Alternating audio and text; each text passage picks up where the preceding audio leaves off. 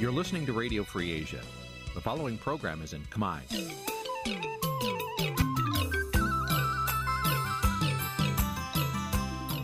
នេះជាកម្មវិធីផ្សាយ Vuthu Azizi Serai នេះជាកម្មវិធីផ្សាយរបស់ Vuthu Azizi Serai ជាភាសាខ្មែរ Vuthu Azizi Serai សូមស្វាគមន៍លោកអ្នកនាងទាំងអស់ពីរដ្ឋធានី Washington នៃសហរដ្ឋអាមេរិក បាទពីរដ្ឋធានី Washington សហរដ្ឋអាមេរិកខ្ញុំបាទមេរិតសូមជម្រាបសួរលោកអ្នកនាងកញ្ញាប្រិមមអ្នកស្ដាប់ Vuthu Azizi Serai ទាំងអស់ជាទីមេត្រីយើងខ្ញុំសូមជូនកម្មវិធីផ្សាយសម្រាប់ព្រឹកថ្ងៃអង្គារ3កើតខែពិសាឆ្នាំខាលចត្វាស័កពុរសករាជ2565ដែលត្រូវនឹងថ្ងៃទី3ខែឧសភាគ្រិស្តសករាជ2022បាទជាដំបូងនេះសូមអញ្ជើញលោកអ្នកនាងស្ដាប់ព័ត៌មានប្រចាំថ្ងៃដែលមានមេត្តាដូចតទៅ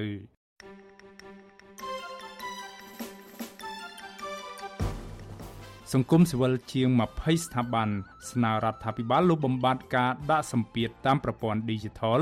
លើវិស័យសារព័ត៌មានមន្ត្រីសង្គមស៊ីវិលព្រួយបារម្ភរឿងអាញាធរបិទគប់ព័ត៌មានសន្តិសុខសង្គមនិងអ ுக ្រិតកម្មនៅខេត្តប្រសេនុលោកហ៊ុនសានប្រាប់មេដឹកនាំរបបសឹកភូមាអនុញ្ញាតឲ្យប្រិស័ទពិសេសអាស៊ាន អាចជួបជាមួយលោកស្រីអ៊ុងសាំងស៊ូជី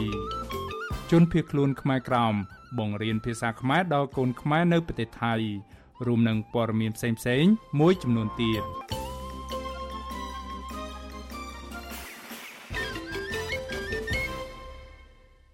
បាទជាបន្តទៅទីនេះខ្ញុំបាទមេរិតសូមជូនព័ត៌មានទាំងនេះពិស្ដា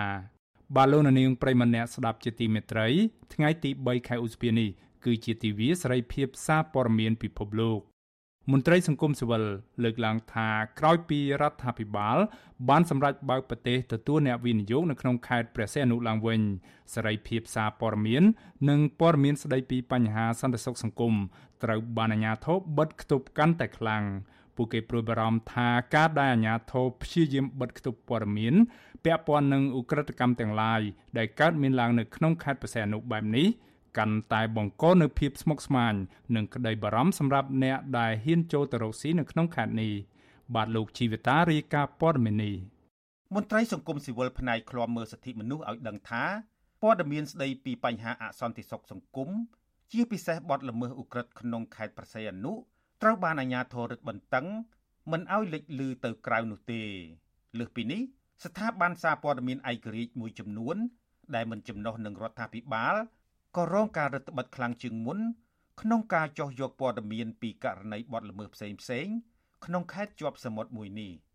អ្នកសម្របសម្រួលសមាគមអាត6ប្រចាំខេត្តប្រស័យអនុអ្នកស្រីជីបសុធារី ប្រាប់អាស៊ីសេរីនៅថ្ងៃទី2ខែឧសភាថា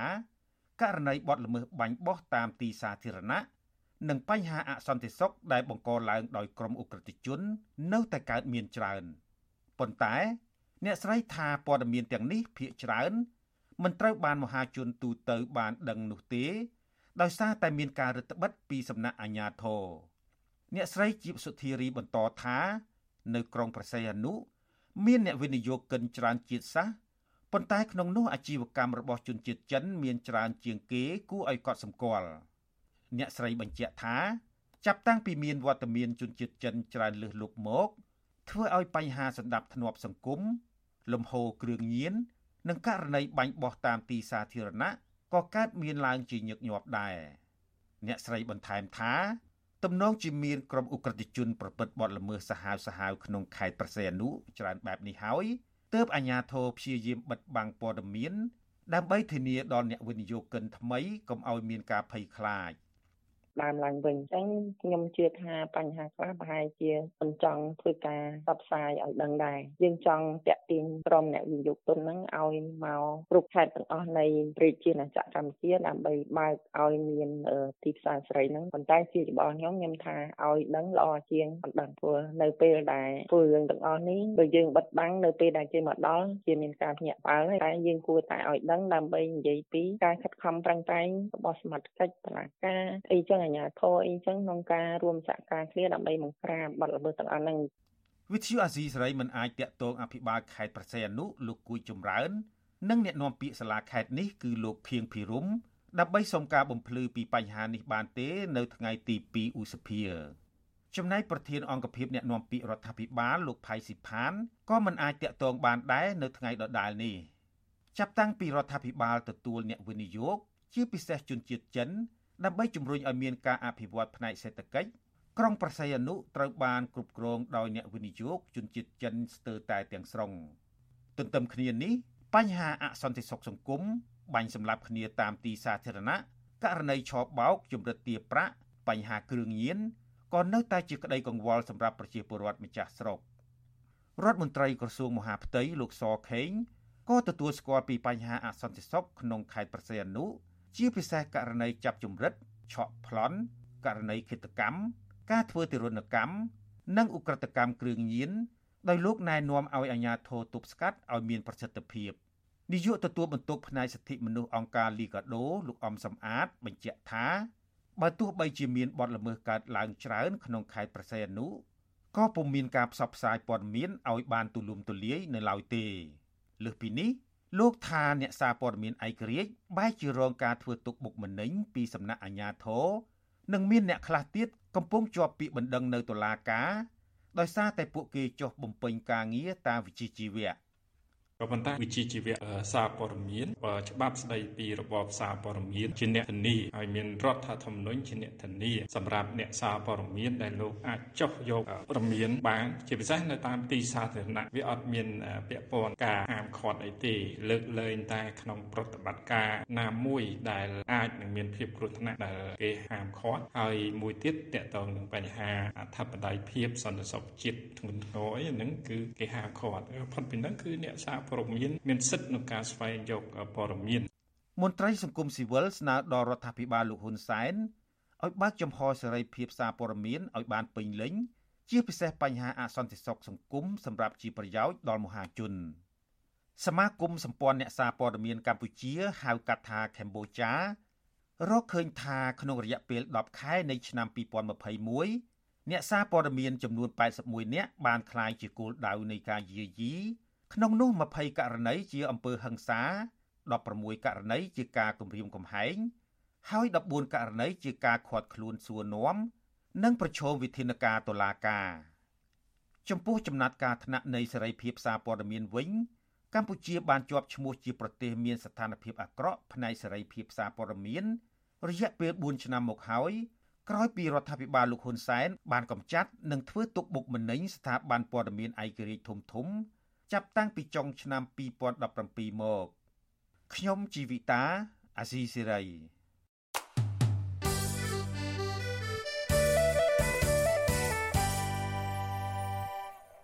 បាទលោកនាងប្រិមម្នាក់ស្ដាប់ជាទីមេត្រីពាក់ព័ន្ធនឹងសេរីភាពសារព័ត៌មាននេះដែរ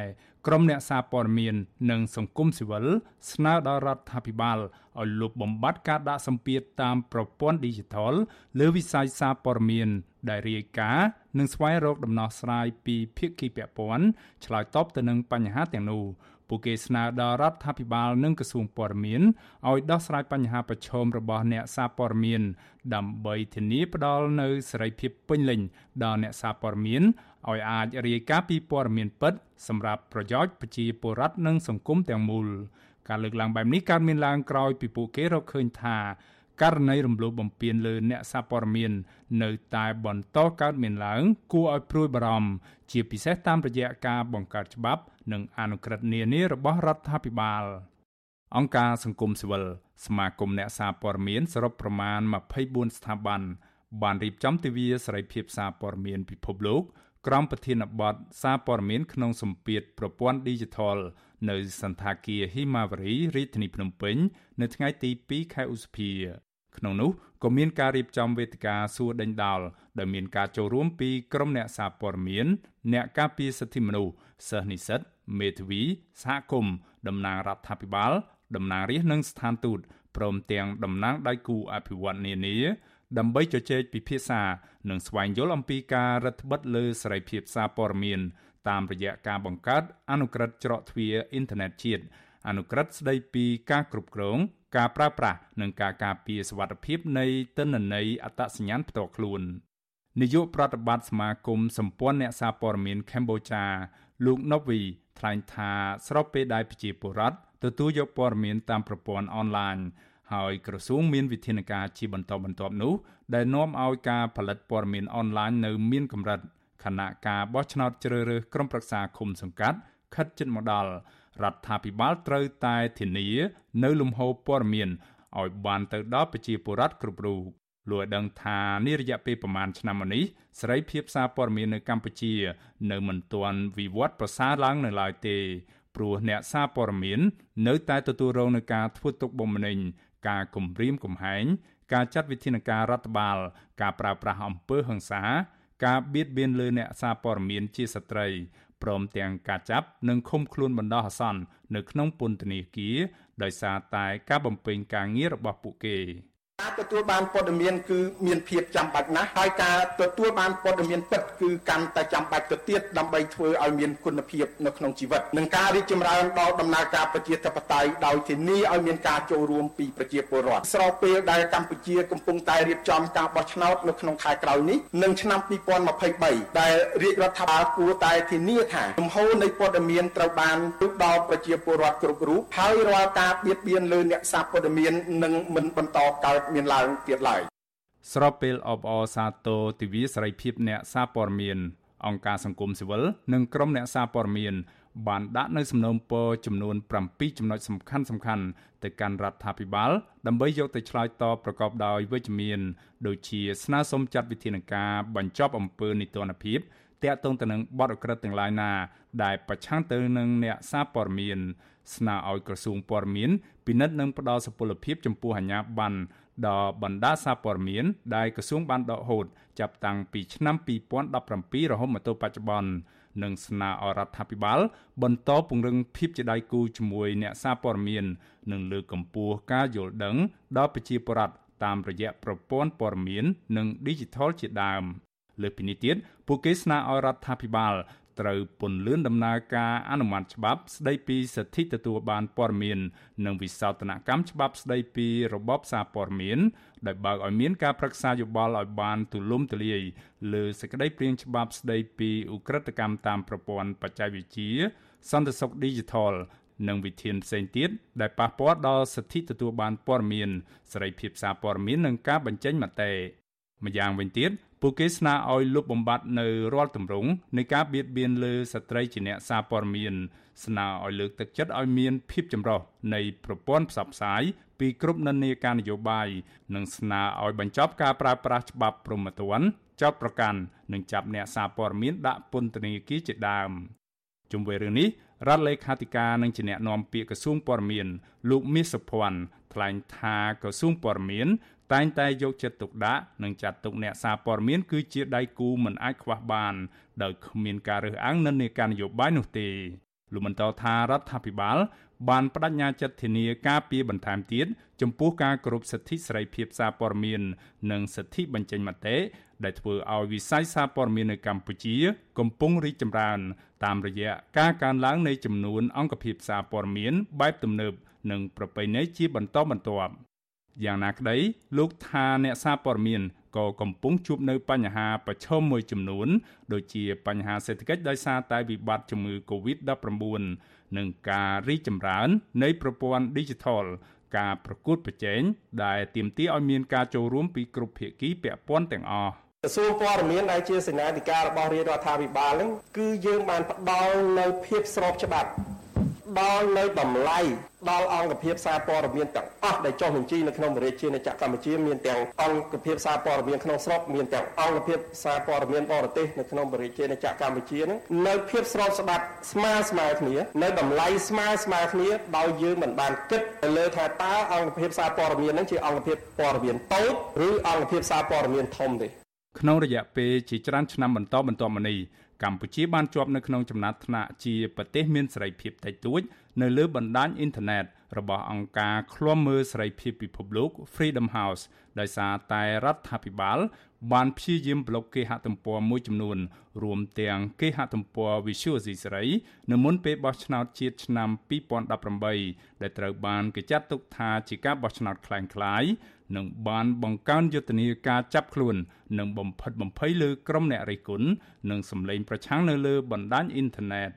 ក្រុមអង្គការជាតិនិងអន្តរជាតិតែងតែទទូចឲ្យរដ្ឋាភិបាលលោកនាយរដ្ឋមន្ត្រីហ៊ុនសែនធានានៅសេរីភាពជាមូលដ្ឋាន និងធានានៅប្រសិទ្ធភាពនៃការប្រើប្រាស់ប្រព័ន្ធអ៊ីនធឺណិតនៅកម្ពុជាប្រកបដោយសុវត្ថិភាពសម្រាប់ពលរដ្ឋនិងអ្នកសារព័ត៌មាន ដោយដែលត្រូវបានធានាស្របតាមរដ្ឋធម្មនុញ្ញ បាឡូណានីងប្រិមម្នាក់ស្ដាប់ជាទីមេត្រី អង្គការផ្នែកសារព័ត៌មានរកឃើញថាអ្នកសារព័ត៌មាននៅតាមបណ្ដាញអ៊ីនធឺណិតឬអនឡាញភាគច្រើនអះអាងថាពួកគេជួបបញ្ហាប្រឈមដែលធ្វើឲ្យការងាររបស់ពួកគេគ្មានសុវត្ថិភាព គឺអាចប្រឈមទៅនឹងការយាយីការបៀតបៀនការដកហូតអាជ្ញាប័ណ្ណនិងជាប់បណ្ដឹងទៅតុលាការពីបទប្រមទ័នជាដើម បន្ថែមពីនេះពួកគេក៏បារម្ភថាអនុក្រឹត្យច្រកទ្វារអ៊ីនធឺណិតជាតិក៏ជាបញ្ហាប្រឈមថ្មីមួយទៀតសម្រាប់អ្នកសារព័ត៌មានបាទសូមអញ្ជើញលោកនាងរងចាំស្ដាប់បទសម្ភាសរវាងអ្នកស្រីសុជីវីជាមួយលោកអ៊ិតសុធឿតនាយកស្ដីទីនៃមជ្ឈមណ្ឌលកម្ពុជាដើម្បីប្រព័ន្ធផ្សព្វផ្សាយឯករាជ្យអំពីបញ្ហាប្រឈមរបស់អ្នកសារព័ត៌មាន ក្នុងសម័យបច្ចេកវិទ្យាឬ Digital នាពេលបន្តិចទៀតនេះ បាទសូមអរគុណ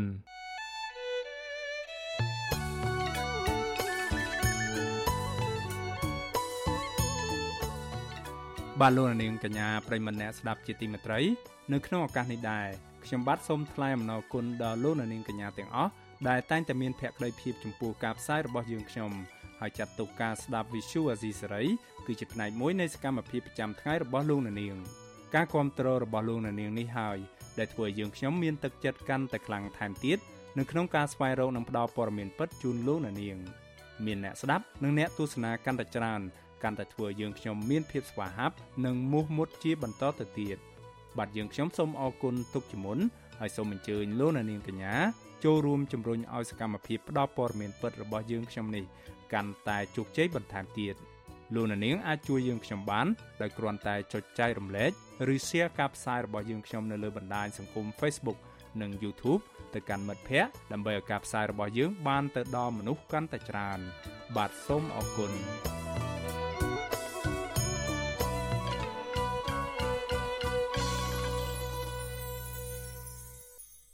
បាឡូណានីងប្រិមម្នាក់ស្ដាប់ជាទីមេត្រីតាក់ទងនឹងសំណុំរឿងវិបត្តិនយោបាយនៅប្រទេសភូមាវិញម្ដងបាទលោកនាយករដ្ឋមន្ត្រីហ៊ុនសែនប្រាប់មេដឹកនាំរបបសឹកមីយ៉ាន់ម៉ាឬភូមាឲ្យអនុញ្ញាតឲ្យប្រិស័ទពិសេសអាស៊ានអាចជួបជាមួយអ្នកស្រីអ៊ុងសាំងស៊ូជីនិងគ្រប់ភាគីពាក់ព័ន្ធនៅភូមាដើម្បីចូលរួមដោះស្រាយវិបត្តិនៅប្រទេសនេះ។ ការលើកឡើងនេះធ្វើឡើងនៅក្នុងជំនួបតាមប្រព័ន្ធវីដេអូមួយរវាងលោកនាយករដ្ឋមន្ត្រីហ៊ុនសែនជាមួយមេដឹកនាំរបបសឹកភូមាលោកមីនអងលៀងនៅថ្ងៃទី2ខែឧសភាម្សិលមិញនេះខុសពីលើកមុនមុនដែលធ្វើនៅវិមានសន្តិភាពលោកហ៊ុនសែនបានរៀបចំជំនួបតាមប្រព័ន្ធវីដេអូនេះនៅឯគេហដ្ឋានរបស់លោកនៅក្រុងតាខ្មៅក្រសួងការបរទេសកម្ពុជាឲ្យដឹងតាមរយៈសេចក្តីប្រកាសព័ត៌មាននៅថ្ងៃទី2ខែឧសភា អំពីលទ្ធផលនៃជំនុំនេះថា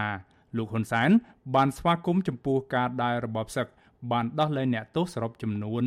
1600នាក់នៅក្នុងអំឡុងពេលពិធីបុណ្យចូលឆ្នាំប្រពៃណីភូមាកាលពីពាក់កណ្ដាលខែមេសាលោកហ៊ុនសែនក៏បានអំពាវនាវសារជាថ្មីម្ដងទៀតឲ្យរបបសឹកយោធាភូមាដោះលែងរាល់អ្នកទោសនយោបាយទាំងអស់រួមទាំងអតីតទីប្រឹក្សាសេដ្ឋកិច្ចជនជាតិអូស្ត្រាលីរបស់អ្នកស្រីអ៊ុងសាំងស៊ូជី លោកហ៊ុនសែនក៏បានអំពាវនាវឲ្យក្រុមប្រឹក្សារដ្ឋបាលដឹកនាំដោយក្រមយោធាភូមាផ្ដល់នូវកិច្ចសហការបន្ថែមទៀតដើម្បីសម្រួលដល់ការធ្វើទស្សនកិច្ចជាលើកទី2របស់ប្រិស័ទពិសេសអាស៊ាន ដឹកនាំដោយរដ្ឋមន្ត្រីក្រសួងការបរទេសកម្ពុជា លោកប្រាក់សុខុនទៅកាន់ប្រទេសភូមានៅចុងខែឧសភានេះ ក្រសួងការបរទេសកម្ពុជាឲ្យដឹងដែរថាលោកនាយករដ្ឋមន្ត្រីហ៊ុនសែនបានគូបញ្ជាក់អំពីសារៈសំខាន់ប្រាប់ទៅមេដឹកនាំរបបសឹកភូមា ដែលចាំបាច់ត្រូវអនុញ្ញាតឲ្យប្រិស័ទពិសេសអាស៊ាន អាចចូលជួបជាមួយគ្រប់ភាគីពាក់ព័ន្ធនៅភូមា រួមទាំងអ្នកស្រីអ៊ុងសាំងស៊ូជី និងអតីតប្រធានាធិបតីភូមា លោកវិនមិញ ដើម្បីបង្កើតនៅបរិយាកាសអំណោយផលមួយនៅក្នុងការចាប់ផ្ដើមបើកឲ្យមាននៅកិច្ចសន្ទនានយោបាយដែលមានការចូលរួមពីគ្រប់ភាគីពាក់ព័ន្ធទាំងអស់បើតាមក្រសួងការបរទេសកម្ពុជាមេដឹកនាំរបបសឹកភូមាលោកមីនអងលៀងបានសន្យាថានឹងជួយសម្រួលឲ្យមានជំនួបជាមួយគ្រប់ភាគីពាក់ព័ន្ធក្រៅពីនេះលោកហ៊ុនសែនក៏បានលើកទឹកចិត្តដល់ទីក្រុងណៃពីដោ ឲ្យជួយសម្រួលដល់ការផ្ដល់ជំនួយមនុស្សធម៌ឲ្យបានទាន់ពេលវេលានិងប្រកបដោយប្រសិទ្ធភាព ជាពិសេសទៅដល់តំបន់មានចំនួននានាវិសុយស៊ីស្រីនៅមិនទាន់អាចតាក់ទងแนะនាំពាក្យរបបសឹកភូមាដើម្បីសុំការបញ្ជាក់បន្ថែមជុំវិញការអះអាងរបស់ក្រសួងការបរទេសកម្ពុជា ស្ដីពីលទ្ធផលនៃជំនួបតាមប្រព័ន្ធវីដេអូនេះបាននៅឡើយទេគិតត្រឹមម៉ោងផ្សាយនេះ។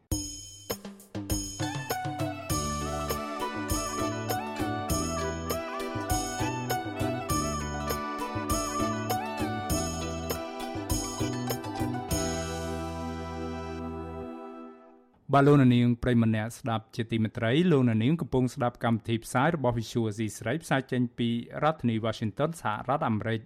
បាទយើងងាកមកស្ដាប់ពីការបន្តផ្ដល់ជំនួយរបស់សហរដ្ឋអាមេរិកមកដល់ប្រជាពលរដ្ឋកម្ពុជាវិញម្ដងបាទសហរដ្ឋអាមេរិកផ្ដល់ជំនួយវ៉ាក់សាំង COVID-19 Pfizer ចំនួន2លានដូសដល់កម្ពុជា តាមរយៈយន្តការ COVAX របស់អង្គការសហប្រជាជាតិ វ៉ាក់សាំងនេះនឹងបញ្ជូនមកដល់កម្ពុជានៅថ្ងៃទី3ខែឧសភានេះស្ថានទូតសហរដ្ឋអាមេរិកប្រចាំកម្ពុជាឲ្យដឹងកាលពីថ្ងៃទី2ខែឧសភាថាវ៉ាក់សាំងនេះគឺជាផ្នែកមួយនៃការបន្តការជួយគ្រប់គ្រងរបស់សហរដ្ឋអាមេរិកចំពោះប្រជាពលរដ្ឋកម្ពុជានិងបង្ហាញឲ្យឃើញពីភាពជាអ្នកដឹកនាំរបស់សហរដ្ឋអាមេរិកនៅក្នុងកិច្ចការការទូតលើវិស័យសុខភាពសាធារណៈ សហរដ្ឋអាមេរិកគឺជាម្ចាស់ជំនួយដ៏ធំមួយរបស់កម្ពុជា ដែលបានផ្ដល់ជំនួយគិតជាទឹកប្រាក់យ៉ាងហោចណាស់សរុបចំនួន15លានដុល្លារអាមេរិកដើម្បីចូលរួមប្រយុទ្ធប្រឆាំងទៅនឹងជំងឺនេះចាប់តាំងពីមានវិបត្តិផ្ទុះរីករាលដាលនៃជំងឺរាតត្បាតសកល COVID-19 នេះមក កាលពីឆ្នាំ2021កន្លងទៅ តាមរយៈយន្តការ COVAX របស់អង្គការសហប្រជាជាតិដដែលនេះសហរដ្ឋអាមេរិកបានផ្ដល់ជំនួយវ៉ាក់សាំង COVID-19 ប្រភេទ Johnson & Johnson សរុបជាង1លានដូសដល់កម្ពុជានៅទូទាំងពិភពលោកសហរដ្ឋអាមេរិកគឺជាម្ចាស់ជំនួយដ៏ធំជាងគេបង្អស់មួយ ដែលបានចូលរួមចំណែកឆ្លើយតបជាអន្តរជាតិដើម្បីទប់ស្កាត់ទៅនឹងវិបត្តិ COVID-19 ក៏រហូតមកទល់ពេលនេះសហរដ្ឋអាមេរិកបានផ្ដល់ជំនួយសរុបជាង9000លានដុល្លារអាមេរិក តាមរយៈយន្តការ COVAX របស់អង្គការសហប្រជាជាតិទៅដល់ជាង120ប្រទេសនៅលើពិភពលោកក្នុងនោះក៏រួមមានទាំងកម្ពុជាផង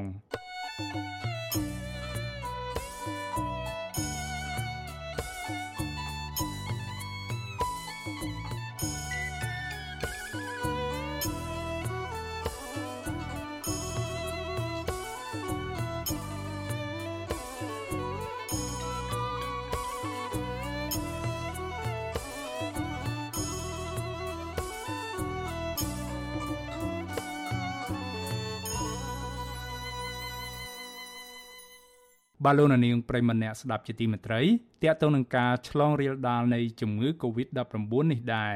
ក្រសួងសុខាភិបាល កាលពីថ្ងៃម្សិលមិញនេះបានរកឃើញអ្នកឆ្លងជំងឺ Covid-19 ចំនួន2អ្នកថ្មីថែមទៀតដែលសុទ្ធតែជាករណីឆ្លងវីរុសបំលែងខ្លួនថ្មីអូមីក្រុងឆ្លងក្នុងសហគមន៍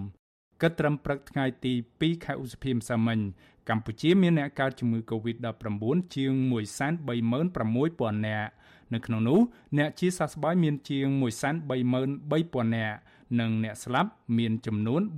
3056នាក់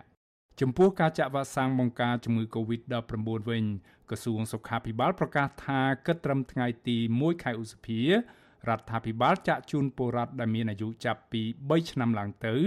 បានជាង14លាន9សែននាក់សម្រាប់ដូសទី1រីឯដូសទី2វិញរដ្ឋាភិបាលចាក់បានជិត14លាន2សែននាក់ ហើយដូសទី3និងដូសទី4រដ្ឋាភិបាលចាក់ជូនពលរដ្ឋបានជាង10លាន3សែននាក់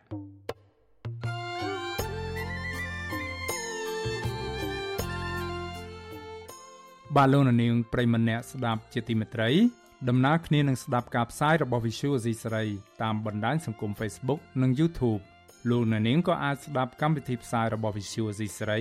តាមប្រឡោកធារកាសខ្លីឬ Shortwave តាមកម្រិតនិងកម្ពស់ដូចតទៅនេះ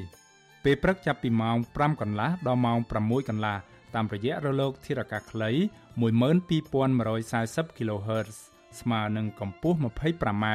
និង13715 kHz ស្មើនឹងកម្ពស់ 22m ពេលយប់ចាប់ពីម៉ោង7កន្លះដល់ម៉ោង8កន្លះតាមរយៈរលកធារកាសខ្លី9960 kHz ស្មើនឹងកម្ពស់ 30m 12140 kHz ស្មើនឹងកម្ពស់ 25m និង11885 kHz ស្មើនឹងកម្ពស់ 25m បាទសូមអរគុណ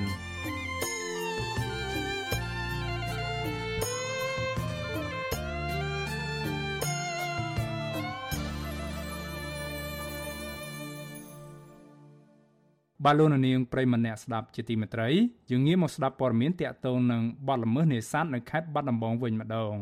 បានមន្ត្រីសង្គមស៊ីវិលនិងប្រជាសហគមន៍នេសាទនៅខេត្តបាត់ដំបងនៅមិនទាន់មានជំនឿចិត្តទៅលើប្រសិទ្ធភាពការងាររបស់អាជ្ញាធរនៅខេត្តនេះឡើយព្រោះតែអាជ្ញាធរនៅតែស្ទាក់ស្ទើរមិនហ៊ានអនុវត្តច្បាប់លើអ្នកមានលុយមានអំណាចដែលបានប្រព្រឹត្តបទល្មើសនេសាទទ្រង់ទ្រាយធំ ជាពិសេសសកម្មភាពកាប់ទន្ទ្រានដីព្រៃលិចទឹកអស់ជាច្រើនហិកតា នៅតំបន់បឹងទលេសាបពួកគេសង្កេតឃើញថាអាញាធរបានដកហូតព្រៃលិចទឹកទំហំរាប់ពាន់ហិកតាស្ថិតនៅក្នុងឃុំពីមឯកស្រុកឯកភ្នំក៏ប៉ុន្តែរហូតមកទល់ពេលនេះអាញាធរខាត់ខ្លួនជនល្មើសបានតែម្នាក់គត់បាទពីរដ្ឋធានី Washington លោកសនច័ន្ទរដ្ឋារាយការណ៍ព័ត៌មាននេះមន្ត្រីសង្គមសវននិងប្រជាសកម្មនេសាទរស់នៅស្រុកឯកភ្នំខេត្តបាត់ដំបង មើលឃើញថាអាញាធរខេត្តបាត់ដំបងបន្តពង្រីកកម្លាំងសមត្ថកិច្ចចម្រុះប្រចាំការនៅតំបន់បឹងទន្លេសាបជាង2ខែមកហើយដើម្បីទប់ស្កាត់បលល្មើសនេសាទនិងផ្សព្វផ្សាយប្រាប់ប្រជាពលរដ្ឋឲ្យប្រមូលឧបករណ៍នេសាទខុសច្បាប់គ្រប់ប្រភេទប្រគល់ជួយអាញាធររីឯប្រមមួយចំនួន បានប្រមូលឧបករណ៍នេសាទខុសច្បាប់រួមមានឧបករណ៍ឆក់អុយបនរាវរបាំងស៊ីបអួនឆ្នុកសម្រាប់និងម៉ាញ់ជាដើមប្រគល់ជួយអាញាធរជាម្ដងម្ដងហើយ ប្រធានសហគមន៍នេសាទស្ដីក្រមរហាសួងខេត្តបាត់ដំបងលោកភីហឿតបានប្រាប់វិទ្យុអេស៊ីសរ៉ៃថាមកទល់ពេលនេះអាញាធរខេត្តនេះនៅតែបន្តអនុវត្តច្បាប់នេសាទយ៉ាងតឹងរ៉ឹងដោយបានដាក់ពង្រីកកម្លាំងចម្រុះប្រចាំការនៅតំបន់បឹងទន្លេសាបដើម្បីបង្ក្រាបបលល្មើសនេសាទជាប្រចាំលោកថាចំណាក់ការរបស់អាញាធរម្ដងនេះហាក់ច្បាស់លាស់ជាងសមម្ដងក៏ប៉ុន្តែអាញាធរនៅតែខ្វះចន្លោះមិនហ៊ានអនុវត្តច្បាប់ដល់អ្នកពាក់ព័ន្ធដែលកាប់ទន្ទ្រានដីព្រៃទឹកឲ្យគ្រប់ជ្រុងជ្រោយនោះទេ ឃើញថាដីវ៉ាន់3បានដកព្រៃយើងបានដោះមកវិញអត់មានអ្នកកាប់រៀនទេអញ្ចឹងនៅត្រីបើសិនជាយើងការពារបនល្មើសនឹងបានទៀតវាល្អប្រសើរមែនតែនព្រៃក៏យើងបានដោះឡើងវិញកើនឡើងវិញហើយត្រីសាច់យើងក៏កើនបើយើងការពារអាឧបករណ៍ល្មើសច្បាប់នឹងកុំឲ្យរੂដាក់ផែនការឲ្យតឹងរឹងណាឲ្យឲ្យឲ្យរੂឧបករណ៍នេសាទស្របច្បាប់ទាំងអស់គ្នា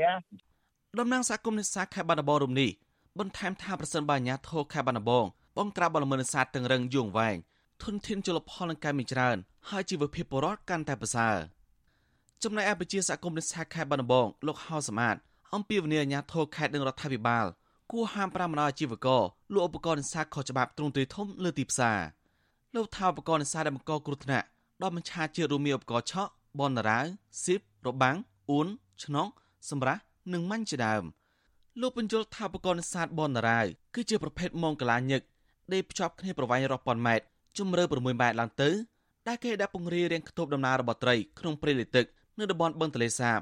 ដើម្បីស្ទាក់ចាប់ត្រីទុយធំគ្រប់ប្រភេទបានច្រើនតោនក្នុងមួយសប្តាហ៍ បទល្មើសនេសាទវាមិនជារឿងដែល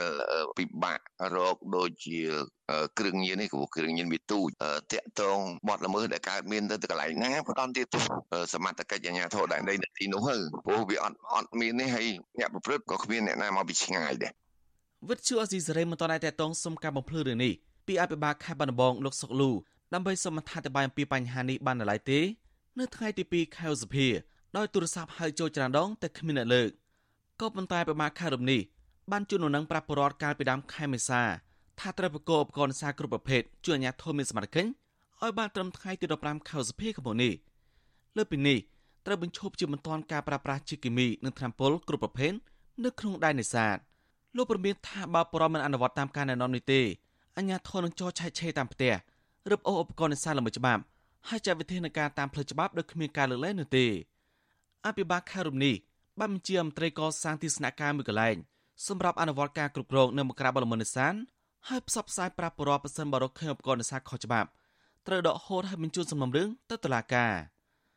ចំណាក់ការរបស់អាជ្ញាធរខេត្តបាត់ដំបងធ្វើឡើងក្រោយពីនាយករដ្ឋមន្ត្រីហ៊ុនសែនបានប្រមានដកតំណែងអភិបាលខេត្តជំនាញបនទលេសាបប្រសិនបើបង្ក្រាបបលមនិសាទបរាជ័យប្រជាសកម្មមើលឃើញថាកន្លងទៅអាជ្ញាធរចាប់បានជនសង្ស័យកាប់ទន្ទ្រានព្រៃលិទឹកនៅឃុំប្រែនរិនបាន6នាក់ និងឃុំពីមឯកបានម្នាក់ហើយព្រៃលិទឹកដែលគេកាប់ទន្ទ្រានអស់រប៉ុននេតាអញ្ញាធិបបានដកហូតជាសមារដ្ឋមកវិញទាំងអស់ពួកគេអះអាងថាអ្នកពាក់ព័ន្ធទន្ទ្រានដីព្រៃលិទឹកនៅមានច្រើនទៀតមានជាប់ពាក់ព័ន្ធបុគ្គលមានលុយមានអំណាចនិងមន្ត្រីមួយចំនួនមិនទាន់ឃើញមានអាជ្ញាធរស៊ើបអង្កេតនិងអនុវត្តច្បាប់នៅឡើយទេមន្ត្រីសម្របសម្រួលសមាគមអាត60ខេត្តបាត់ដំបងលោកយឺមីលី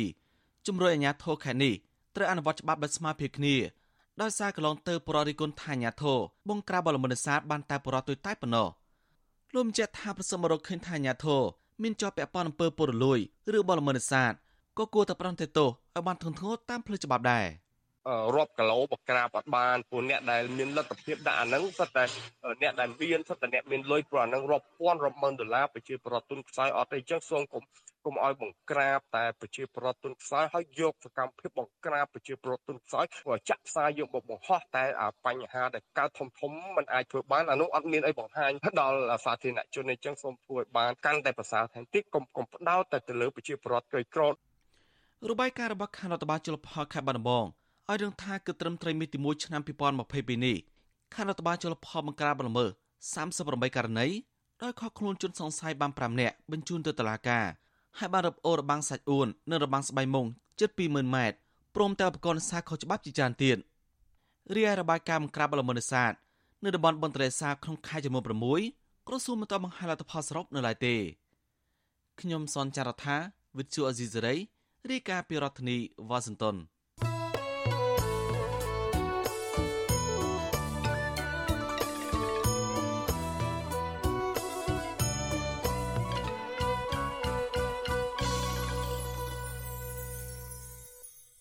បាឡូននាងប្រិមម្នាក់ស្ដាប់ជាទីមេត្រីតើតើនឹងការបំផ្លិចបំផ្លាញធនធានព្រៃឈើវិញម្ដងបើប្រជាសហគមន៍ព្រៃឡង់រិះគន់ថាអាញាធរខេត្តព្រះវិហារមិនអើពើទប់ស្កាត់បទល្មើសព្រៃឈើដែលប្រព្រឹត្តឡើងដោយក្រុមហ៊ុនវៀតណាមឈ្មោះ PNT នោះទេពួកគេអាងថាក្រុមហ៊ុននេះនៅតែបន្តបញ្ជូនកម្លាំងកម្មកររាប់សិបនាក់ប្រើប្រាស់គោយន្តនិងរណាយន្តសម្រុកកាប់បំផ្លាញព្រៃឈើនៅក្នុងដែនជម្រកសត្វព្រៃព្រៃឡង់ ទ្រង់ទ្រីធំអស់រយៈពេលជាច្រើនខែមកហើយក៏ប៉ុន្តែនៅមិនទាន់ឃើញអាជ្ញាធរណាមួយចុះបង្ក្រាបនៅឡើយទេរហូតមកទល់ពេលនេះអ្នកសម្របសម្រួលសហគមន៍ព្រៃឡង់ខេត្តព្រះវិហារលោកស្រីថៃប្រាវិសុយស៊ីស្រីកាលពីថ្ងៃទី2ខែឧសភាថាអាញាធរខេត្តព្រះវិហាររវល់តែរឿងឃោសនាអូសទាញប្រជាពលរដ្ឋឲ្យបោះឆ្នោតឲ្យគណៈបកកណ្ដាលអំណាចដោយមិនខ្វល់ខ្វាយពីបទល្មើសព្រៃឈើដែលកំពុងតែកើតមានឡើងយ៉ាងពេញទំហឹងនោះទេលោកបញ្ជាក់ថាមកទល់ពេលនេះក្រុមកម្មកររាប់សិបនាក់ភ ieck ច្រើនជាពលរដ្ឋមកពីខេត្តកំពង់ធំកំពុងនាំគ្នាកាប់ឈើនៅក្នុងព្រៃឡង់ដឹកចូលការដ្ឋានក្រុមហ៊ុនវៀតណាម PNT លោកបារម្ភថាជោគវាសនានៃព្រៃឡង់នឹងលែងមានដើមឈើធំធំ នៅពេលដ៏ខ្លីខាងមុខនេះហើយអត់មានពិភពទេមុនមុនគូយន្តចែកឥឡូវនេះដល់រយហើយនឹងយើងពេញតែមិនទេបើយើងរាយការណ៍ភាសាពីសាយើងមិនដឹងជួយស្អីផងហើយមានតែយើងនឹងអស់សង្ឃឹមចុងក្រោយយើងអាចនឹងបាត់បង់ត្រីជួយវានៅតែប៉ុណ្ណេះដែរដែរពជាសហគមន៍ព្រៃឡង់រូបនេះបន្ថែមថាបើទោះបីជាពួកលោក បានស្នើសុំកិច្ចអន្តរាគមន៍ពីអាជ្ញាធរជាច្រើនដង និងបង្ហោះព័ត៌មានតាមបណ្ដាញសង្គម Facebook យ៉ាងណាក្តីដោយបង្ហាញពីសកម្មភាពកាប់ឈើហូបធំធំ នៅក្នុងព្រៃឡង់នោះ ដើម្បីឲ្យអាជ្ញាធរអនុវត្តច្បាប់ក៏ប៉ុន្តែគ្មានបានផលឡើយលោកស្ដាយស្រណោះដែលដើមឈើធំធំ ប្រភេទប្អុងដួងចែមផ្ដៀកនិងឈើទាលជាដើម ដែលមានអាយុកាលរាប់រយឆ្នាំ ត្រូវបានគេកាប់ផ្ដួលរំលំអស់ជាបន្តបន្ទាប់នារយៈពេល4ខែចុងក្រោយនេះវិសុយស៊ីស្រីមិនអាចតាក់ទងសុំការបំភ្លឺរឿងនេះពីក្រុមហ៊ុនវៀតណាមឈ្មោះ PNT បាននៅឡើយទេនៅថ្ងៃទី2ខែឧសភាដោយទូរស័ព្ទហៅចូលច្រើនដងតែគ្មានអ្នកលើកចំណែកឯអភិបាលខេត្តព្រះវិហារលោកប្រាក់សវណ្ណនិងប្រធានមន្ទីរបរិស្ថានខេត្តនេះលោកសុងច័ន្ទសុជាតិក៏មិនអាចតាក់ទងបានដែរ ក្រុមហ៊ុន PNT ទទួលបានដីសម្បត្តិសេដ្ឋកិច្ចពីរដ្ឋាភិបាលកម្ពុជា ទំហំជាង7900ហិកតាស្ថិតនៅក្នុងស្រុករវៀងខេត្តព្រះវិហារកាលពីឆ្នាំ2010ក្រោមកិច្ចសន្យារយៈពេល70ឆ្នាំក្រុមហ៊ុននេះវិនិយោគដំណាំក្លឹមច័ន្ទនិងដំណាំរួមផ្សំផ្សេងៗទៀតក៏ប៉ុន្តែពជាសហគមន៍អះអាងថាក្រុមហ៊ុនមិនបានដាំដុះតាមកិច្ចសន្យានោះទេ ដោយផ្ដោតតែទៅលើការកាប់ឈើទៅវិញ។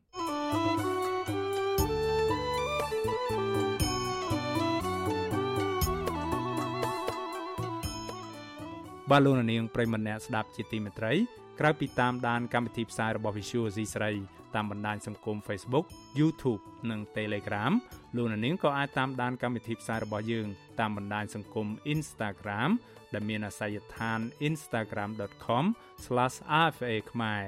Visual C ស្រីបន្តខិតខំផ្សព្វផ្សាយព័ត៌មានពិតជូនដល់លោកនាងតាមរយៈបណ្ដាញសង្គមផ្សេងៗនិងសម្បូរបែបដើម្បីឲ្យលោកនាងងាយស្រួលតាមដានការផ្សាយរបស់យើងគ្រប់ពេលវេលានិងគ្រប់ទីកន្លែងតាមរយៈទូរស័ព្ទដៃរបស់លោកនាង បាទសូមអរគុណ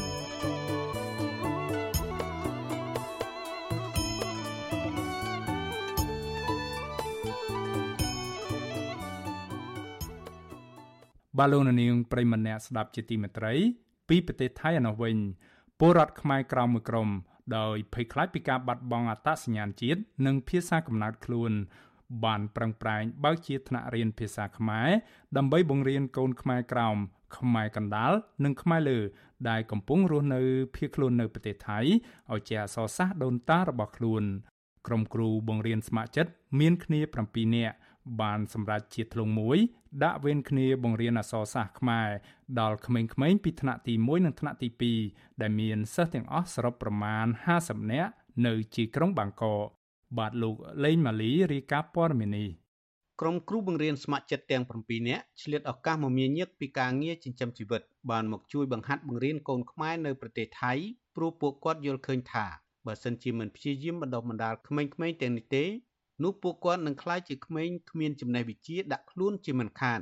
ត្បិតអីក្មេងៗដែលមកតាមឪពុកម្ដាយធ្វើការនៅថៃទាំងនោះភ ieck ច្រើនពុំមានឯកសារស្របច្បាប់ដើម្បីចូលរៀនក្នុងសាលានោះទេពួកគេបន្តថាដោយឃើញភាពអវិជ្ជមានដូចនេះទើបពួកគេសុកចិត្តលះបង់កម្លាំងកាយចិត្តនិងពេលវេលាផ្ទាល់ខ្លួនមកផ្ដល់ចំណេះដឹងដល់កូនខ្មែរដោយមិនគិតពីការនឿយហត់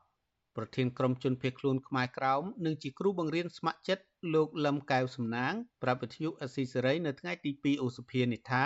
មូលហេតុដែលលោកខំប្រឹងជួយបង្ហាត់បង្រៀនកូនខ្មែរព្រោះលោកខ្លាចកូនខ្មែរល្ងិតល្ងងមិនចេះអក្សរខ្មែរនិងមិនដឹងដើមកំណើតខ្លួនមកពីណាលោកបន្ថែមថានៅឯខ្មែរក្រោមឯណោះអាញាធរវៀតណាមបានគៀបសង្កត់កូនខ្មែរមិនឲ្យរៀនអក្សរសាស្ត្រខ្លួនហើយដូច្នេះមកដល់ទីនេះ លោកតាំងចិត្តបណ្ដុះបណ្ដាលកូនខ្មែរត្រូវតែឲ្យចេះអក្សរខ្មែរយ៉ាងហោចណាស់អានបានសរសេរបាន និងសង្ឃឹមថាក្មេងៗទាំងនោះនឹងប្រឹងប្រែងសិក្សាស្វែងយល់ឲ្យបានច្រើនថែមទៀតនិងចេះដឹងអក្សរសាស្ត្រខ្លួន ហើយមានអនាគតភ្លឺស្វាងមិនអាចមានជាតិសាសន៍ណាមើលងាយពួកគេបានឡើយជាតិក្មេងៗខ្មែរកម្ពុជាក្រំជាច្រើនដែលគាត់មកនេះគឺភាគច្រើនហ្នឹងគាត់មិនចេះអក្សរសាស្ត្ររបស់ខ្លួនទេ ហើយធ្វើឲ្យគាត់បាត់បង់ក្មេងទាំងអស់ធ្វើឲ្យគាត់បាត់បង់ឱកាសในការសិក្សារៀនសូត្រហើយដូច្នេះទេក្រមខ្មែរកម្ពុជាក្រមយើងក៏បានបង្កើតជាសាលារៀនមួយដែលជាជាជាជាសាលារៀនជាទូរយបន្ទប់គេមួយក្នុងមួយចំនួនមួយខែហ្នឹងអស់3800បាតដែរហើយយើងរៀនអក្សរសាស្ត្រដល់ក្មេងៗដែលជាជនជាខ្លួន មានអក្សរខ្មែរហើយនិងអង់គ្លេសហើយនិងភាសាថៃជាដើម ផ្ដោតធំគឺអក្សរសាស្ត្រខ្មែររបស់ដូចគ្នានេះដែរអ្នកគ្រូបង្រៀនស្ម័គ្រចិត្តម្នាក់ទៀតគឺអ្នកគ្រូលីស៊ីណាតយល់ឃើញថា កូនខ្មែរនៅទីនេះពួកគាត់មានទឹកចិត្តចង់ចេះដឹងភាសាខ្មែរទើបអ្នកស្រីសុកចិត្តចំណាយពេលវេលាផ្ទាល់ខ្លួន ដោយមិនគិតពីការនឿយហត់អ្នកស្រីបន្ថែមថា កូនខ្មែរទោះទៅដល់ទីណាក៏ដោយក៏មិនបោះបង់ខ្មែរចោលដែរដូច្នេះអ្នកស្រីនឹងខំបង្រៀនឲ្យអស់ពីកម្លាំងកាយនិងកម្លាំងចិត្តដើម្បីអនាគតពលរដ្ឋសាសខ្លួន។ បើសិនជាពួកគាត់មើលឃើញពីសាលារបស់យើងកាន់តែល្អព្រោះថាយើងនៅទីនេះមានការខ្វះខាតច្រើន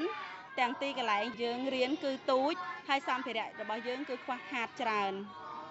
ចង់ឲ្យទាំងរដ្ឋាភិបាលខ្មែរហើយនិងរដ្ឋាភិបាលថៃចូលរួមមើលឃើញពីសាលារបស់យើងដោយឡែកសិស្សថ្នាក់ទី1ខគឺកុមារាចៅអាន់ទ្រិនអាយុ8ឆ្នាំនិយាយថាខ្លួនមករៀនបាន2ឆ្នាំហើយ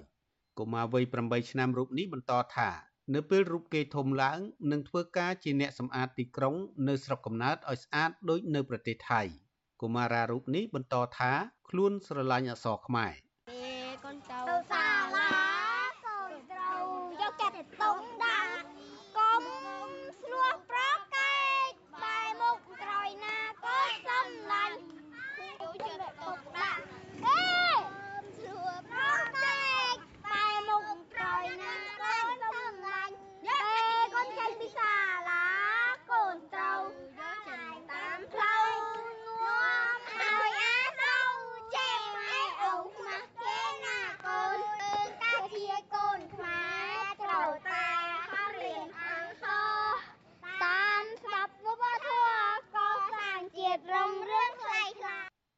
ចំណែកសិស្សថ្នាក់ទី1ខម្នាក់ទៀតកុមារី នាងវិនខេមរាថ្លែងថា នៅពេលនាងធំឡើង គឺចង់ធ្វើជាគ្រូបង្រៀនកុមារីនេះចេះចាំព្យញ្ជនៈភាសាខ្មែរនិងអាចសូត្រមេសូត្រយ៉ាងពីរោះ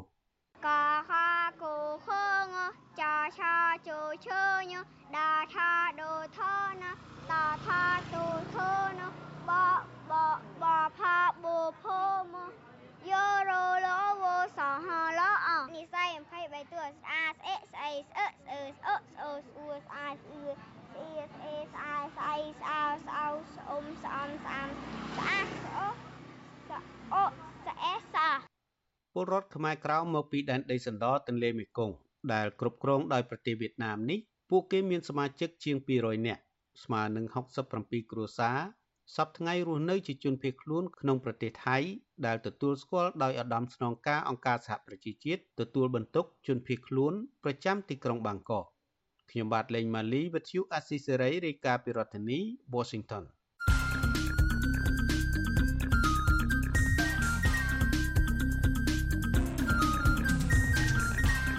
បទសំភារ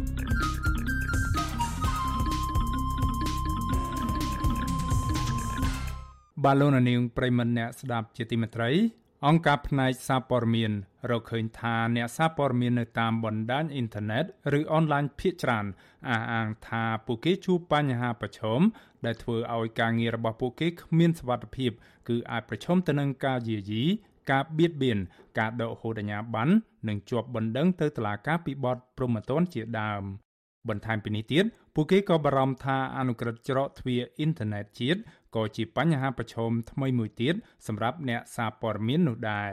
បាទសូមអញ្ជើញលោកនាងស្ដាប់បទសម្ភាសរវាងអ្នកស្រីសុជីវីជាមួយលោកអ៊ិតសុធឿតនាយកស្ដីទីនៃមជ្ឈមណ្ឌលកម្ពុជាដើម្បីប្រព័ន្ធផ្សព្វផ្សាយឯករាជ្យអំពីបញ្ហាប្រឈមរបស់អ្នកសារព័ត៌មាននៅក្នុងសម័យបច្ចេកវិទ្យា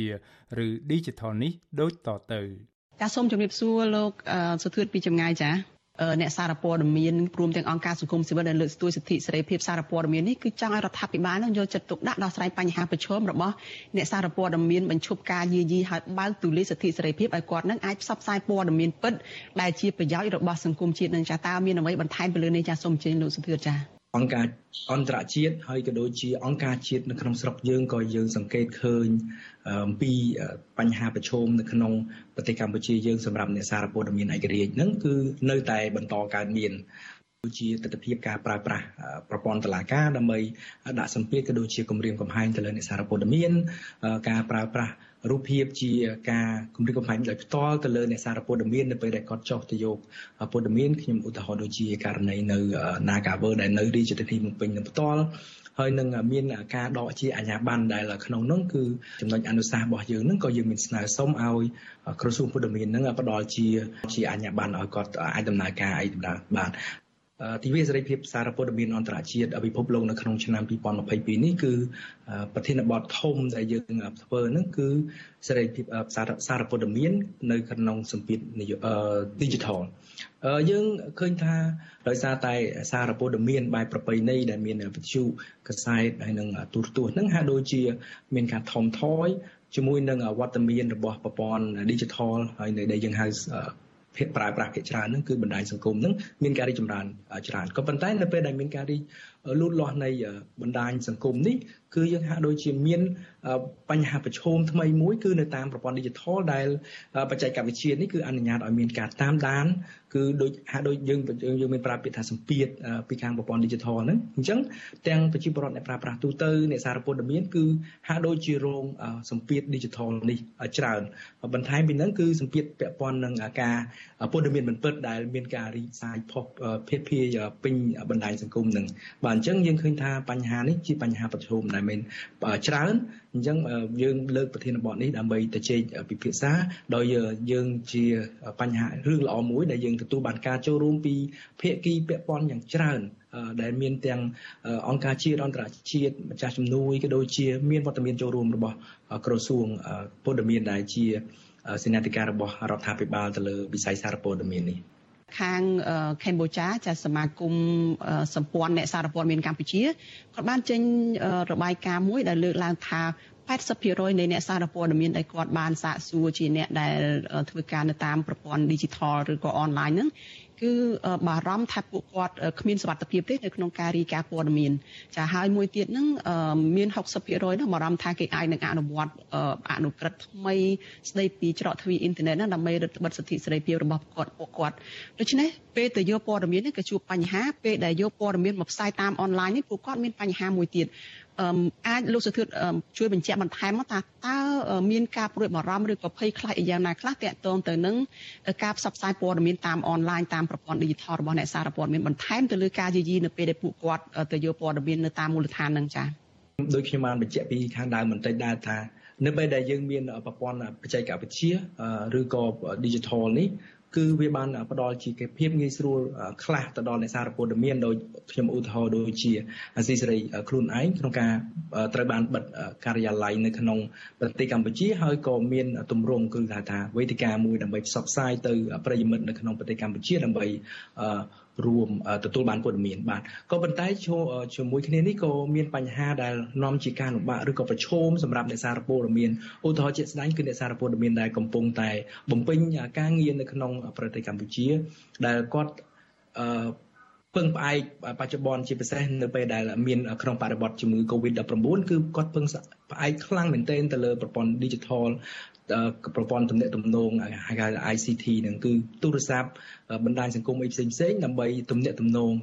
សម្ភារឬក៏ស្វែងរកព័ត៌មានអីផ្សេងផ្សេងក៏ប៉ុន្តែនៅពេលដែលគាត់ពុំមានចំណេះដឹងគ្រប់គ្រាន់ឬក៏គាត់ពុំមានជំនាញនៅក្នុងវិស័យនឹងច្រើនគ្រប់គ្រាន់អញ្ចឹងគាត់ពិបាកក្នុងការទប់ស្កាត់ការពារសុវត្ថិភាពខ្លួនឯងជាពិសេសទាក់ទងនឹងគេហៅថាព័ត៌មានផ្ទាល់ខ្លួន អ្វីដែលយើងសកម្មភាពរបស់យើងធ្វើនៅលើប្រព័ន្ធ digital នេះអញ្ចឹងហើយទោះបីជាអ្នកខ្លះគាត់មានចំណេះដឹងក្នុងកម្រិតមួយក៏គាត់នៅតែពិបាកក្នុងការធានាថាខ្លួនឯងមានសុវត្ថិភាពឬក៏សកម្មភាពរបស់ខ្លួនឯងនៅលើលើប្រព័ន្ធ digital ហ្នឹងគឺមិនត្រូវបានគេតាមដានឬក៏ដឹងទេព្រោះយើងនៅក្នុងសម័យបច្ចេកវិទ្យានេះដែលហៅថា AI នេះគឺសម្រាប់យើងជាមនុស្សសាមញ្ញទូទៅគឺយើងពិតជាពិបាក ខ្លាំងមែនទែនថាបច្ចេកវិទ្យា AI នេះថាអាចធ្វើអ្វីបានខ្លះអញ្ចឹងហើយដោយសារតែ AI នេះក៏គាត់អាចធ្វើមានសមត្ថភាពធ្វើរឿងច្រើនលើសលប់ដែលយើងមិនមែនជាអ្នកជំនាញខាងបច្ចេកវិទ្យានេះគឺពិបាកក្នុងការស្មានទុកអញ្ចឹងយើងគឺមានការព្រួយបារម្ភហើយជាពិសេសសម្រាប់អ្នកសារព័ត៌មានឯករាជ្យដែលគាត់ត្រូវធ្វើការទៅលើបញ្ហាប្រឈមបញ្ហារសើបផ្សេងផ្សេង ជាមួយគ្នានឹងក៏មានអ្នកសារព័ត៌មានមួយចំនួនដូចជាអ្នកសារព័ត៌មានស្ត្រីហ្នឹងក៏គាត់បានរាយការណ៍ថារងការអាចថាបៀតបៀនឬក៏យាយីនៅលើប្រព័ន្ធ digital ដែរតកតងទៅនឹងការបៀតបៀនឬក៏ការយាយីអ្នកសារព័ត៌មាននេះយើងមានការយាយីនៅតាមសង្គមផ្ទាល់ការអនុវត្តចុះទៅយកព័ត៌មានផ្ទាល់ហើយក៏មានការយាយីនៅតាមប្រព័ន្ធអ៊ីនធឺណិតអីនឹងទៀត តើមានការឆ្លើយតបយ៉ាងម៉េចទេពីខាងមន្ត្រីរដ្ឋាភិបាលចំពោះក្តីបារម្ភនេះហើយក៏មានការស្នើឡើងដោយក្រុមអង្គការសង្គមស៊ីវិលនិងខាងអ្នកសារព័ត៌មាននឹងចាស់លោកសុធឿនបាទជានិច្ចកាលនៅពេលដែលយើងមានការដូចថាចោតសួរឬក៏មានជាយុទ្ធនាការដើម្បីស្នើសុំឲ្យមានការបំភ្លឺទាក់ទងបញ្ហាហ្នឹងគឺរដ្ឋាភិបាលក៏តែងតែបដិសេធថាគាត់មិនមានការតាមដានគាត់មិនមានការខ្លាំមើលឬក៏ វិធានការដែលគាត់ចាត់ធ្វើមកប្រឆាំងទៅលើអ្នកដែលផ្សេងទៀតឧទាហរណ៍អ្នកដែលបាន post អីមួយឬក៏ចែករំលែកអីមួយក៏តែងតែអះអាងថាអានឹងគឺជាការអនុវត្តច្បាប់បាទហើយការអនុវត្តច្បាប់នឹងទៀតសោតគឺអឺតេតតនឹងការបកបកស្រាយច្បាប់នេះគឺហាក់ដូចជាមិនមិនមានភាពស្របគ្នានៅឡើយសម្រាប់អង្គការសង្គមស៊ីវិលជាមួយនឹងរដ្ឋាភិបាលដោយសារតែបទចោតដែលពេញនិយមដែលយើងកន្លងមកឃើញជាបទចោត ពាក់ព័ន្ធនឹងការញុះញង់បទញុះញង់បទបង្កភាពវឹកវរអីផ្សេងផ្សេងជាដើមហ្នឹងហើយដែលសម្រាប់អ្នកច្បាប់មួយចំនួនឬក៏អ្នកអង្គការសង្គមស៊ីវិលយើងឃើញថាហាក់ដូចជាមិនមានអឺពាក់ព័ន្ធជាមួយនឹងបទល្មើសនឹងទេមានន័យថាมันមានភាពសមគ្រប់គ្រាន់ក៏ប៉ុន្តែសម្រាប់ខាងអាជ្ញាធរឬក៏រដ្ឋាភិបាលពេលខ្លះគាត់បែរជាបកស្រាយទៅផ្សេងដែលការអនុវត្តច្បាប់បែបនេះហើយដែលយើងធ្វើឲ្យមានការបញ្ហាប្រឈម ក្នុងនាមជាអង្គការសង្គមស៊ីវិលយើងកំពុងតែព្យាយាមតស៊ូមតិក៏ដូចជាជំរុញឲ្យរដ្ឋាភិបាលធ្វើការបកស្រាយបញ្យលបន្ថែមទៀតជាពិសេសដូចអនុក្រឹត្យស្តីពីច្រកទ្វារអ៊ីនធឺណិតជាតិនេះគឺកន្លងមកអង្គការសង្គមស៊ីវិលបានលើកជា សេចក្តីព្រួយបារម្ភអំពីមេត្រាមួយចំនួនដែលអនុក្រឹត្យនេះអាចបង្កទៅជាហានិភ័យសម្រាប់ការងារអង្គការសង្គមស៊ីវិលក៏ដូចជាប៉ះពាល់ទៅលើសេរីភាពក្នុងការបញ្ចេញមតិហើយជាអាចថាជារឿងល្អមួយដែរដែលមកដល់ពេលនេះការអនុវត្តអនុក្រឹត្យនេះត្រូវបានលើកពេលដោយខាងក្រសួងគាត់មិនទាន់បានកំណត់ពេលជាក់លាក់ទេដែលដំបូងគឺគាត់ក្រងចាប់ផ្ដើមអនុវត្តនៅក្នុងខែ កុម្ភៈឆ្នាំ2022នេះតែឥឡូវនេះគឺគាត់បានលើកពេលយើងសង្ឃឹមថាគាត់នឹងមិនចាប់ផ្ដើមអនុវត្តអនុក្រឹត្យនេះលុះត្រាតែគាត់បានបញ្យលឬក៏បកស្រាយឲ្យច្បាស់ថាមេត្រាឬក៏សេចក្តីលម្អិតនៅក្នុងច្បាប់ឬក៏អនុក្រឹត្យនេះមិនមានការរឹតបន្តឹងទៅលើសេរីភាពប្រជាពលរដ្ឋទូទៅក៏ដូចជាអ្នកសារព័ត៌មានបាទអរគុណច្រើនលោកសុធឿនជំរាបលាលោកត្រឹមប៉ុណ្ណេះចា៎បាទសូមអរគុណជំរាប បាទលោកនាងកញ្ញាទើបបានស្ដាប់បទសម្ភាសរវាងអ្នកស្រីសុជីវីជាមួយលោកអ៊ិតសុធឿននាយកស្ដីទីនៃមជ្ឈមណ្ឌលកម្ពុជាដើម្បីប្រព័ន្ធផ្សព្វផ្សាយឯករាជ្យអំពីបញ្ហាប្រឈមរបស់អ្នកសារព័ត៌មាននៅក្នុងសម័យបច្ចេកវិទ្យាឬ Digital បាទសូមអរគុណ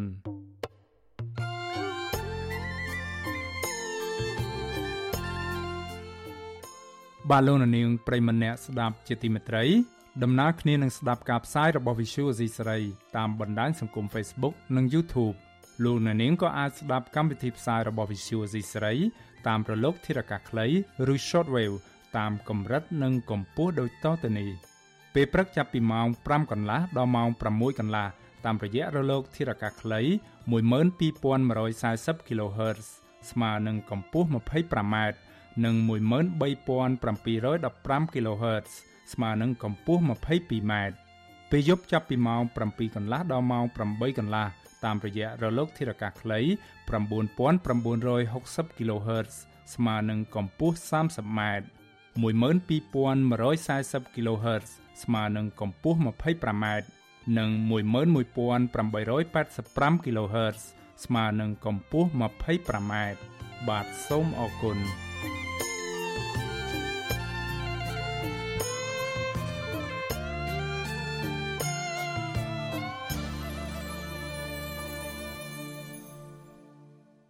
បាទលោកនាងប្រិមត្តអ្នកស្ដាប់ជាទីមេត្រីព័ត៌មានតកតងនឹងខ្មែរកម្ពុជាក្រោមវិញម្ដងបាទសហព័ន្ធខ្មែរកម្ពុជាក្រោមបានដឹកនាំប្រតិភូមួយក្រុមទៅចូលរួមវេទិកាចិនត្រៃស្ដីពីជនជាតិដើមរបស់អង្គការសហប្រជាជាតិនៅបូរីញូវយ៉កសហរដ្ឋអាមេរិកក្នុងរយៈពេល14ថ្ងៃតាមរយៈវេទិកានេះសហព័ន្ធខ្មែរកម្ពុជាក្រោមបានប្រាប់សហគមន៍អន្តរជាតិពីការធ្វើទុកបុកម្នេញគ្រប់ទម្រង់ទៅលើពលរដ្ឋខ្មែរក្រោម ពីសំណាក់អាជ្ញាធរនៃរដ្ឋាភិបាលវៀតណាមតើតំណាងខ្មែរក្រោមបានលើកឡើងពីបញ្ហាអ្វីខ្លះដែរនៅក្នុងវេទិកាស្ដីពីបញ្ហាជនជាតិដើមនេះបាទពីរដ្ឋធានី Washington លោកយុនសាមៀនរាយការណ៍លម្អិតអំពីរឿងនេះបញ្ហាសំខាន់សំខាន់ដែលតំណាងសហព័ន្ធខ្មែរកម្ពុជាក្រោមលើកឡើងដើម្បីសុំកិច្ចអន្តរាគមន៍ពីអង្គការសហប្រជាជាតិឲ្យដោះស្រាយរួមមាន ការរំលោភសិទ្ធិការបង្ខំរំលោភយកដីខ្មែរក្រោមដោយគ្មានសំណង ការចាប់ចងខ្មែរក្រោមរឿងទៀមទាសិទ្ធិជនជាតិដើម ភាពអត់ការងារធ្វើ ការរឹតបន្តឹងសិទ្ធិបង្រៀនអក្សរខ្មែរនិងសាសនាពីសំណាក់រដ្ឋាភិបាលវៀតណាមកញ្ញាព្រីស្លាកឹមអ៊ុនប្រាប់វេទិកាចិនត្រៃស្ដីពីបញ្ហាជនជាតិដើមរបស់អង្គការសហប្រជាជាតិថាខ្មែរក្រោមជាជនជាតិដើមមិនមែនជាជនជាតិភាគតិចដោយការលើកឡើងរបស់វៀតណាមនោះទេដូច្នេះខ្មែរក្រោមត្រូវទទួលបានសិទ្ធិគ្រប់បែបយ៉ាងជាជនជាតិដើម។ We are concerned about Vietnam's response to KKF's participation in the permanent forum. យើងមានក្តីបារម្ភអំពីប្រតិកម្មរបស់ភាគីវៀតណាមចំពោះវត្តមានរបស់សហព័ន្ធខ្មែរកម្ពុជាក្រោមក្នុងវេទិកាអចិន្ត្រៃយ៍នេះនិងអំពីទស្សនៈរបស់វៀតណាមជុំវិញការតស៊ូដើម្បីសិទ្ធិសម្រេចវាសនាដោយខ្លួនឯងរបស់ខ្មែរក្រោមនិងសិទ្ធិកំណត់សម្គាល់អត្តសញ្ញាណជាជនជាតិដើមដោយគ្មានការចោទប្រកាន់ពីវៀតណាម ថាជាការគំរាមកំហែងដល់ឯកភាពជាតិវៀតណាមសេចក្តីប្រកាសសិទ្ធិជនជាតិដើមរបស់អង្គការសហប្រជាជាតិមិនត្រូវបានវៀតណាមអនុវត្តហើយវៀតណាម បន្តបដិសេធផ្ដល់សិទ្ធិជនជាតិដើមដល់ខ្មែរក្រោមកញ្ញាបន្តថាវៀតណាមកំពុងចាត់ទុកអ្នកការពារសិទ្ធិជនជាតិដើមជាយុវជនខ្មែរក្រោមជាខ្មាំងសត្រូវវៀតណាមបានផាកពិន័យធ្វើទរណកម្មនិងឃុំខ្លួនយុវជនខ្មែរក្រោមតាមទំនើងចិត្តនិងយ៉ាងអនាធបត័យ កញ្ញាក៏បានស្នើឲ្យអង្គការសហប្រជាជាតិនិងសហរដ្ឋអាមេរិកជួយជាជំនួយដើម្បីអភិវឌ្ឍនិងការពារគាំទ្រខ្មែរក្រោមដែលរស់នៅតាមតំបន់ដីសណ្ដទន្លេមេគង្គបច្ចុប្បន្នវៀតណាមជាប្រទេសនាំអង្ករចេញទៅលក់នៅក្រៅប្រទេសហើយអង្ករប្រមាណ90%ត្រូវបានកសិករខ្មែរក្រោមផលិតនៅតាមតំបន់ដីសណ្ដទន្លេមេគង្គដែលជាដីកំណើតរបស់ខ្មែរកម្ពុជាក្រោម ប៉ុន្តែឈ្មួញវៀតណាមមិនបានទិញអង្ករខ្មែរក្រោមសមស្របតាមតម្លៃទីផ្សារនោះទេគឺឈ្មួញទិញក្នុងតម្លៃថោកកញ្ញាព្រីស៊ីឡាកឹមអ៊ុនបញ្ជាក់ថាដោយសារតែបញ្ហានេះហើយធ្វើឲ្យកសិករខ្មែរក្រោមមិនទទួលបានផលប្រយោជន៍ផ្នែកសេដ្ឋកិច្ចហើយពួកគេកំពុងបោះបង់មុខរបរធ្វើស្រែចម្ការហើយធ្វើចំណាក់ស្រុកទៅរកការងារធ្វើនៅឯទីក្រុងវិញ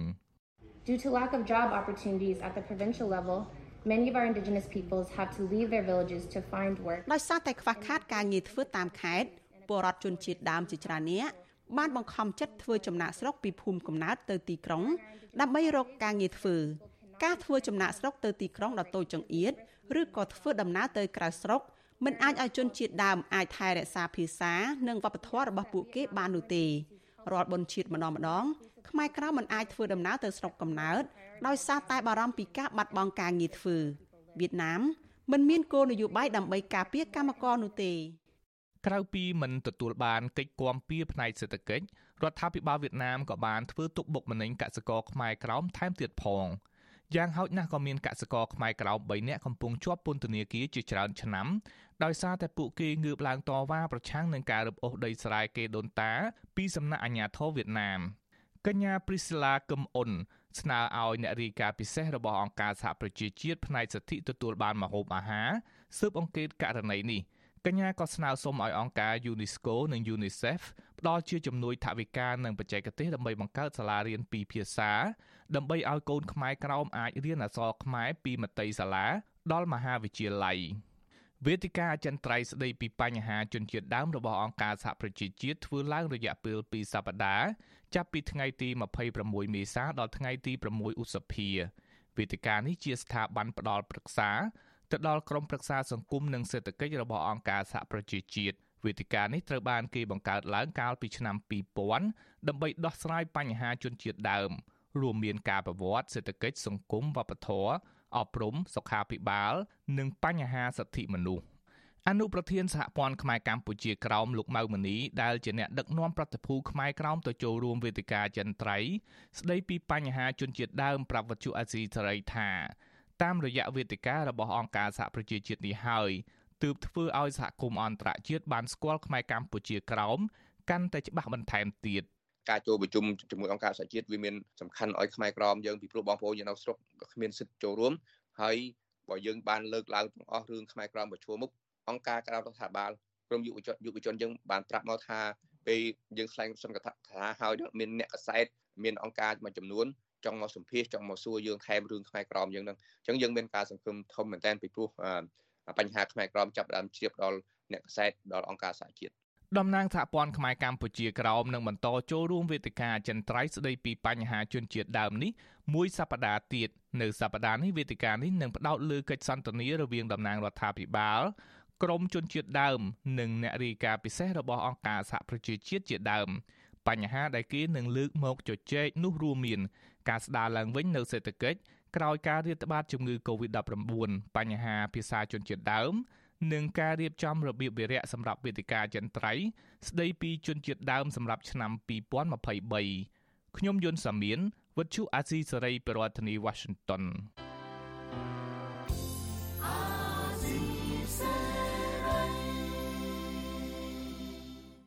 បាទលោកនាងកញ្ញាប្រិមម្នាក់ស្ដាប់ជាទីមេត្រីកម្មវិធីផ្សាយរយៈពេល1ម៉ោងនៃ Visual Asia ស្រីជាភាសាខ្មែរនៅពេលនេះចប់តែប៉ុណ្ណេះយើងខ្ញុំសូមជូនពរដល់លោកនាងកញ្ញាព្រមទាំងក្រុមគ្រួសារទាំងអស់ឲ្យជួបប្រកបតែនឹងសេចក្តីសុខចម្រើនរុងរឿងកំបីគ្លៀនគ្លាតឡើយ